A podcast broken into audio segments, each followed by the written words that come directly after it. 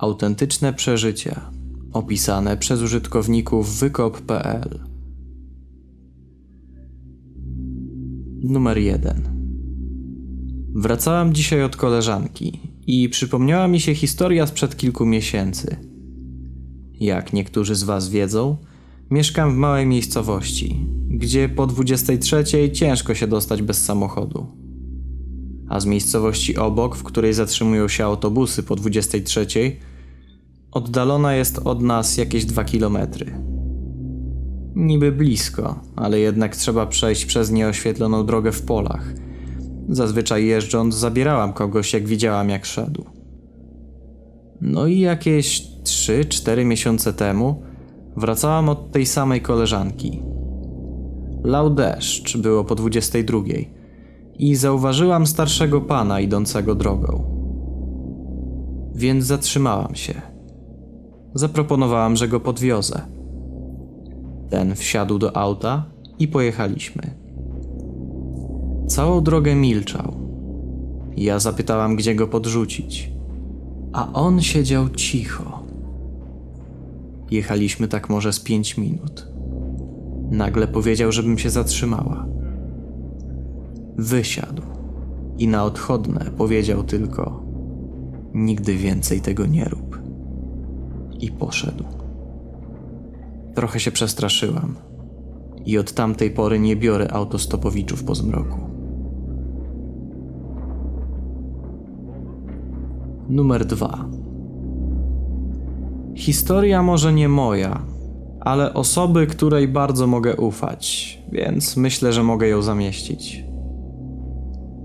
Samemu też dwukrotnie spotkałem się z dziwnymi rzeczami, a jeden z nich był tak ekstremalny, że wszyscy pewnie zarzuciliby mi fake czy bujną wyobraźnię. A jako, że nie mam potrzeby się z niej na siłę uzewnętrzniać, przedstawię więc historię zasłyszaną. Od dziecka moi rodzice zapewniali mnie, że duchy, zmory, mary i tym podobne nie istnieją. Tylko żywych należy się bać, powtarzała mi matka od dziecka. Tym większy był to dla mnie cios, gdy pierwszą historię o duchach usłyszałem właśnie od niej. Rozmawiałem z nią kiedyś szczerze na temat tego, co mnie spotkało. A skoro już rozmawialiśmy szczerze, to moja mama przedstawiła tę historię mnie, co nie ukrywam, było dla mnie dość dużym szokiem. Otóż rzecz działa się w latach 80. Moja mama, zanim jeszcze nie była moją mamą, była z pewnym gościem.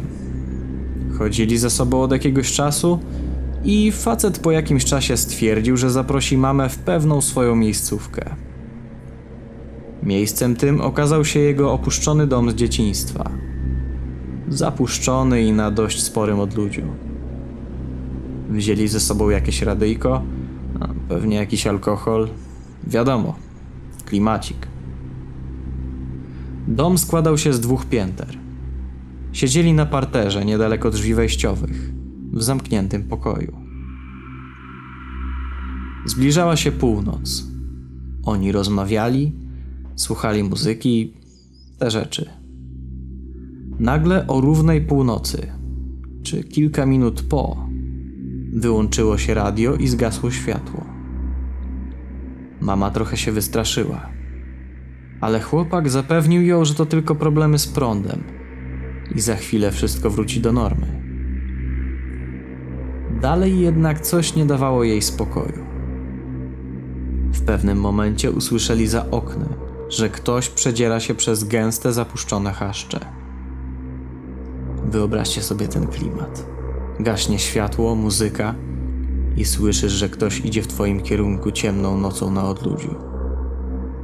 I co ciekawe, wybiera niezbyt łatwą drogę, bo przez zarośla. Kroki zatrzymały się pod drzwiami wejściowymi. Moja matka była pewna, że zaraz wydarzy się coś okropnego. Facet też wystraszony, ale zapewniał ją, że to na pewno koledzy robią sobie jaja i zaraz się zdradzą. Najgorsze było jednak dopiero przed nimi. Kroki z zewnątrz przeniosły się na korytarz za ich zamkniętymi drzwiami. nie otwierając drzwi wejściowych. To coś szło kilka metrów obok nich, za ścianą. Kroki były ciężkie i ociężałe, bardzo wyraźne. Przeszły cały korytarz wzdłuż, aż do samego końca. Facet bał się. Widać jednak było po nim, że wie, co się dzieje. Cały czas zapewniał jednak, że to głupi żart jego kumpli. Nagle usłyszeli straszny rumor pod sobą. W zamurowanej, jak się później okazało, piwnicy. Słyszeli, jak to rzuca przedmiotami i przesuwa meble centralnie pod nimi. Moja matka wystraszyła się wtedy już tak, że obydwoje wybiegli czym prędzej z domu. Wsiedli do samochodu i uciekli. Facet przez jakiś czas zapewniał mamę, że to byli tylko kumple. Po pewnym czasie zmiękł jednak i wyznał jej prawdę. W tym domu zmarł jego ojciec, alkoholik i awanturnik. W zamurowanej piwnicy przebywał ponoć w samotności całymi dniami pijąc. Po jego śmierci domownicy dalej słyszeli, że ktoś chodzi nocą do piwnicy, nawet gdy ci już ją zamurowali. Po jakimś czasie dom poświęcił ksiądz. Na nic jednak to się zdało. Od kogoś usłyszeli, że to mąż. Tak kochał wódkę, że szuka jej w swojej piwnicy nawet po śmierci. Moja mama oczywiście na randkę do starego domu chłopaka już nie poszła. Pamiętam, że gdy opowiadała mi to, przeżywała to wszystko na nowo, a jej emocje były autentyczne. Gdyby opowiedział mi to ktoś inny niż własna matka, to pewnie przymknąłbym na to oko. 3. Za czasów gimnazjum, w któreś wakacje, wróciłam do domu po dwóch czy trzech tygodniach obozu pod namiotem. Jako, że pogoda była nadal ładna, a na obozie spało mi się rewelacyjnie, rozbiłam sobie taki mały, byle jaki dwuosobowy namiocik na podwórku. Taka taniocha, co się składa z jednej warstwy, bez tropiku. Byłam, no dobra, dalej jestem. Trochę strachliwa. I mimo, że parę dni wcześniej przetrwałam nocną burzę w Bieszczadach, postanowiłam się sprytnie zabezpieczyć przed nocnymi hałasami. Stosując gimbazjalną wersję odwróconej psychologii, rozbiłam się pod wierzbą płaczącą, tak żeby jej witki uderzały o namiot. I w ten sposób mogłam każdy niepokojący hałas zwalić na wiatr i Bogu ducha winne drzewo. Przyszedł wieczór. Wpełzłam do namiotu. Poczytałam trochę książkę przy latarce i położyłam się spać. Witki wierzbowe szorowały po namiocie. A ja leżałam tak sobie zadowolona. Aż wpadłam na taki genialny pomysł. No i teraz na pewno nic mnie już nie zaskoczy. Oko zdrowo mi leciało. Coś mi się zaczynało powoli śnić. Wokół letnia, spokojna noc i nagle w tej sielance jeb. Cały materac, na którym leżałam, zatrząsł się. Momentalnie się wybudziłam, ale że od dzieciaka myślałam raczej racjonalnie. To pierwsze, co mi przyszło do głowy, to to, że to po prostu te wstrząsy, które ma się czasem przy zasypianiu, jak spada napięcie mięśniowe. Leżałam sobie więc nadal spokojnie, ale już z otwartymi oczami i czujna. I wtedy cały materac zaczął dosłownie chodzić w prawo i w lewo. Normalnie jakby ktoś chwycił i szarpał. Trwało to kilka sekund. I już nie było mowy, żeby to były moje mięśnie. Zdygałam się okrutnie. Odczekałam pięć minut. Złapałam klucz i uciekłam do domu. To był koniec nocowania pod namiotem w tamte wakacje. Do tej pory nie wiem, co się stało. Matka i ojciec zarzekają się, żeby mi takiego numeru nie wywinęli. Zresztą minęło już od tego czasu dobre 10 albo więcej lat. a już nie do takich rzeczy czasami mi się po czasie przyznawali. Mojego brata, który mógł wpaść na taki pomysł, nie było wtedy w domu. Natomiast po paru dniach od tamtej nocy przypomniało mi się, że kiedyś czytałam klechdy domowe i w którejś historii było wspomniane, że w wierzbach mieszkają pomniejsze psotne diabły, chłobuki. I od tamtej pory mam respekt do wierzb. 4. To i ja się podzielę swoją historią. Każdy z nas może miewa czasem myśli, żeby to wszystko pierdolnąć i wyjechać w Bieszczady. Cóż, pewnego lipcowego ranka o świcie postanowiłem zrealizować swój plan, w którym to zakładałem, że spędzę na dziko dwie noce zaszyty gdzieś z dala od cywilizacji. Oczywiście biwakowanie we wszelkich parkach krajobrazowych w Polsce jest nielegalne, ale z zachowaniem porządku i ciszy postanowiłem się przełamać i spróbować. Wrzuciłem do plecaka butelki wody, konserwy, pieczywo, namiot, śpiwór i inne potrzebne narzędzia. I ruszyłem w drogę. Dość optymistycznie sobie to wszystko wymyśliłem. Wcześniej szczegółowo przez Google Maps patrzyłem, gdzie będę mógł się rozbić. Uwzględniałem oczywiście ukształtowanie terenu, ale jednak rzeczywistość zaskoczyła mocno. Po wielu trudach wszedłem w końcu na te wzgórza i rozbiłem się daleko od ścieżek, żeby mieć spokój. Byłem na miejscu gdzieś po dziewiątej, więc miałem sporo czasu, aby do zmroku zapoznać się, co znajduje się w pobliżu mojego namiotu. W promieniu ponad 200 metrów spotkałem jedynie parę wiewiórek i lisa. Nic poza tym interesującego nie było. Przed zmrokiem zaczęło dość mocno padać. Do tego na tej wysokości temperatura nieco spadła. Ale jakoś nie odciągało mnie to od realizacji tego, co sobie zaplanowałem. Pierwsza noc jednak była już specyficzna. Pomimo opadających kropel z drzew na mój namiot, około pierwszej w nocy słyszałem pewne dziwne dźwięki, które ciężko było z czymkolwiek zidentyfikować. Ni to krótki krzyk, coś jak zawołanie, ni to pisk.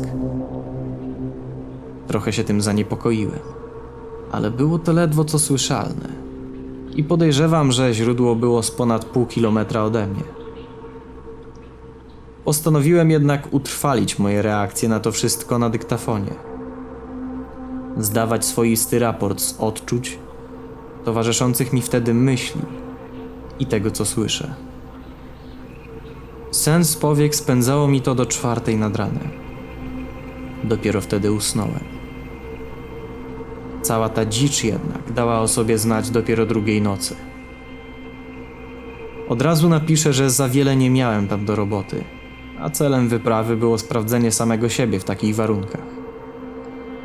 Ustaliłem, że znajdowałem się ponad 4 km od cywilizacji więc ciekawiło mnie, jak sam zachowam się na tle natury z dala od ludzi.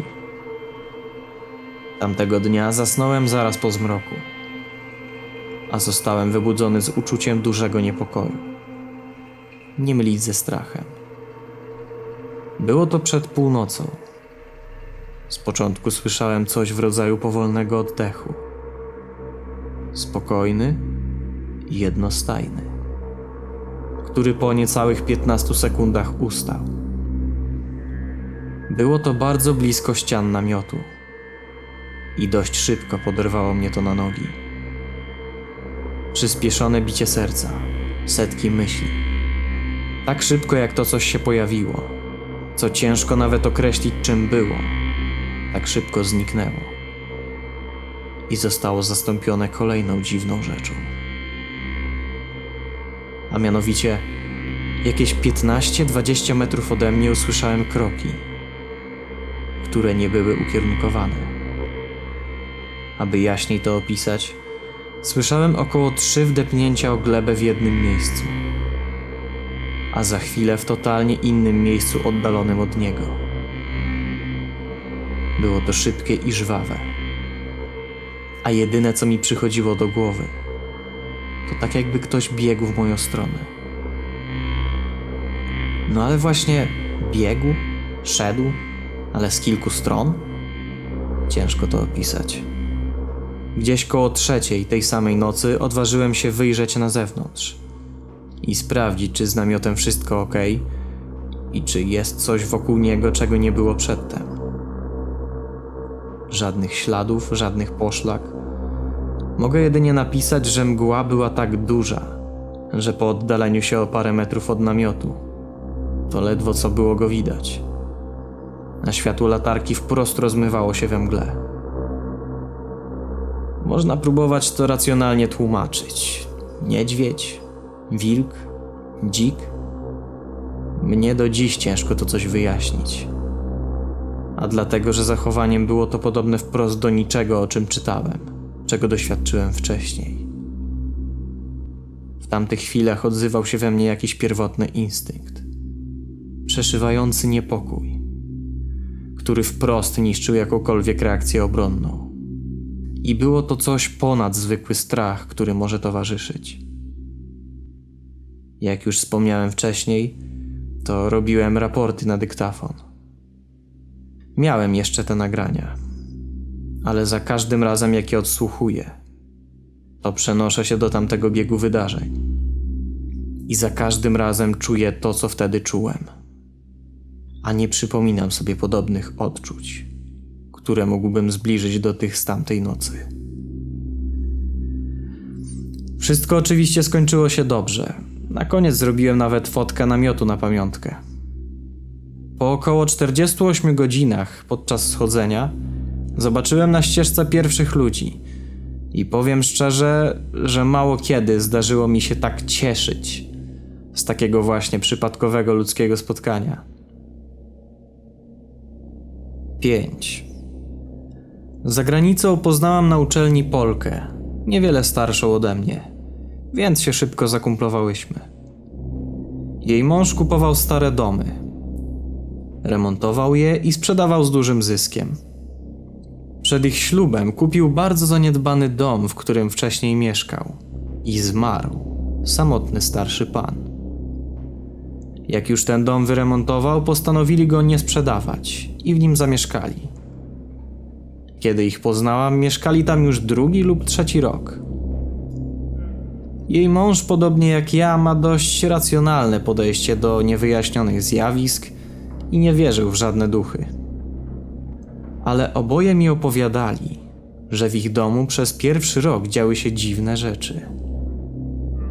Zamykali drzwi do piwnicy, a rano były otwarte. Słyszeli kroki na schodach. Lampy się zapalały i gasły. Jak byli na górze, to z dołu dochodziły hałasy i tym podobne.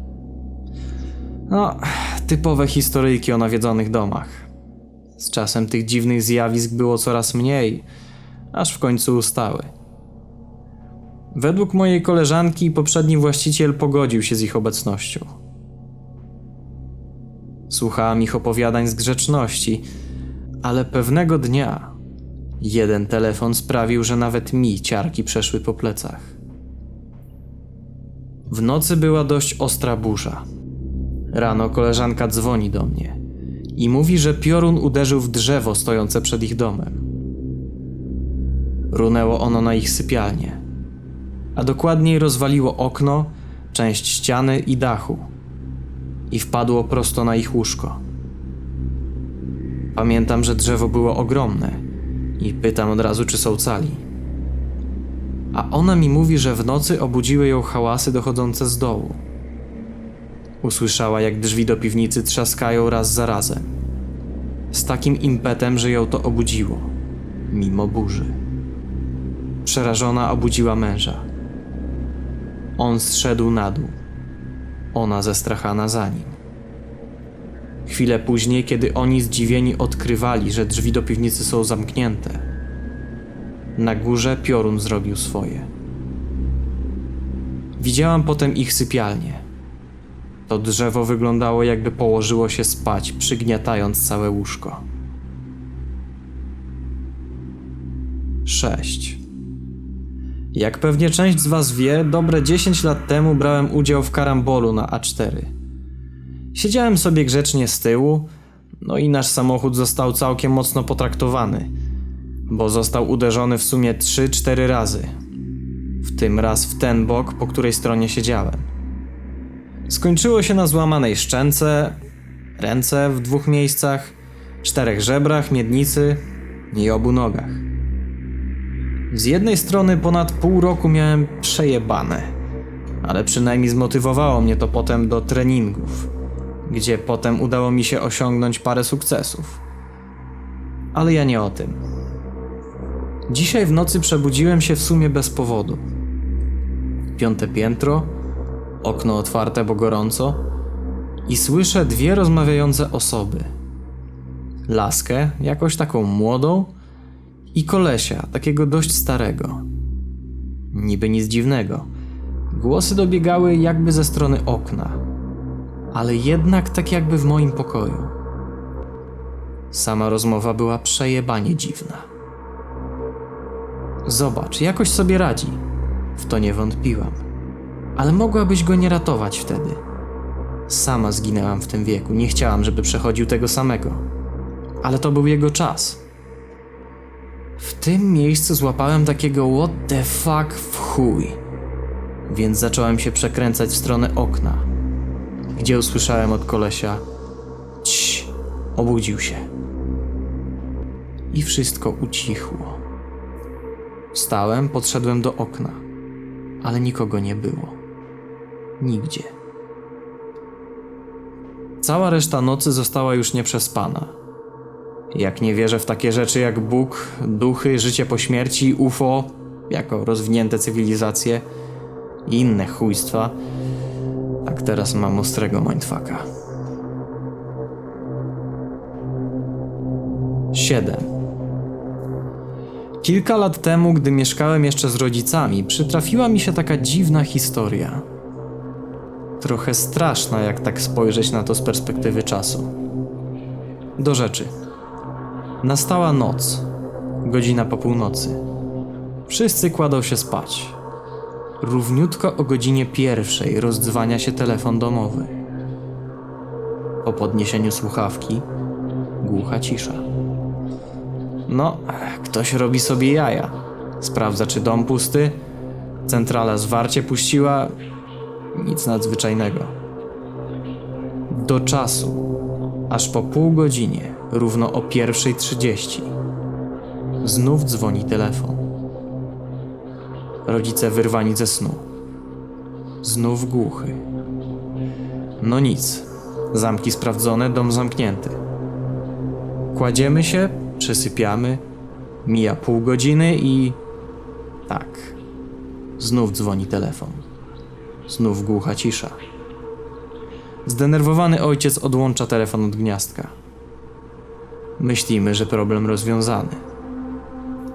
Do czasu, aż o godzinie 2.30 zadzwonił domofon do mieszkania. Zdrowo wystraszeni zrywamy się z bijącym sercem. Podnosimy słuchawkę. Cisza. Tej nocy już nie mogę zasnąć. Jest ciemno. Przed klatką schodową nie świeci się światło.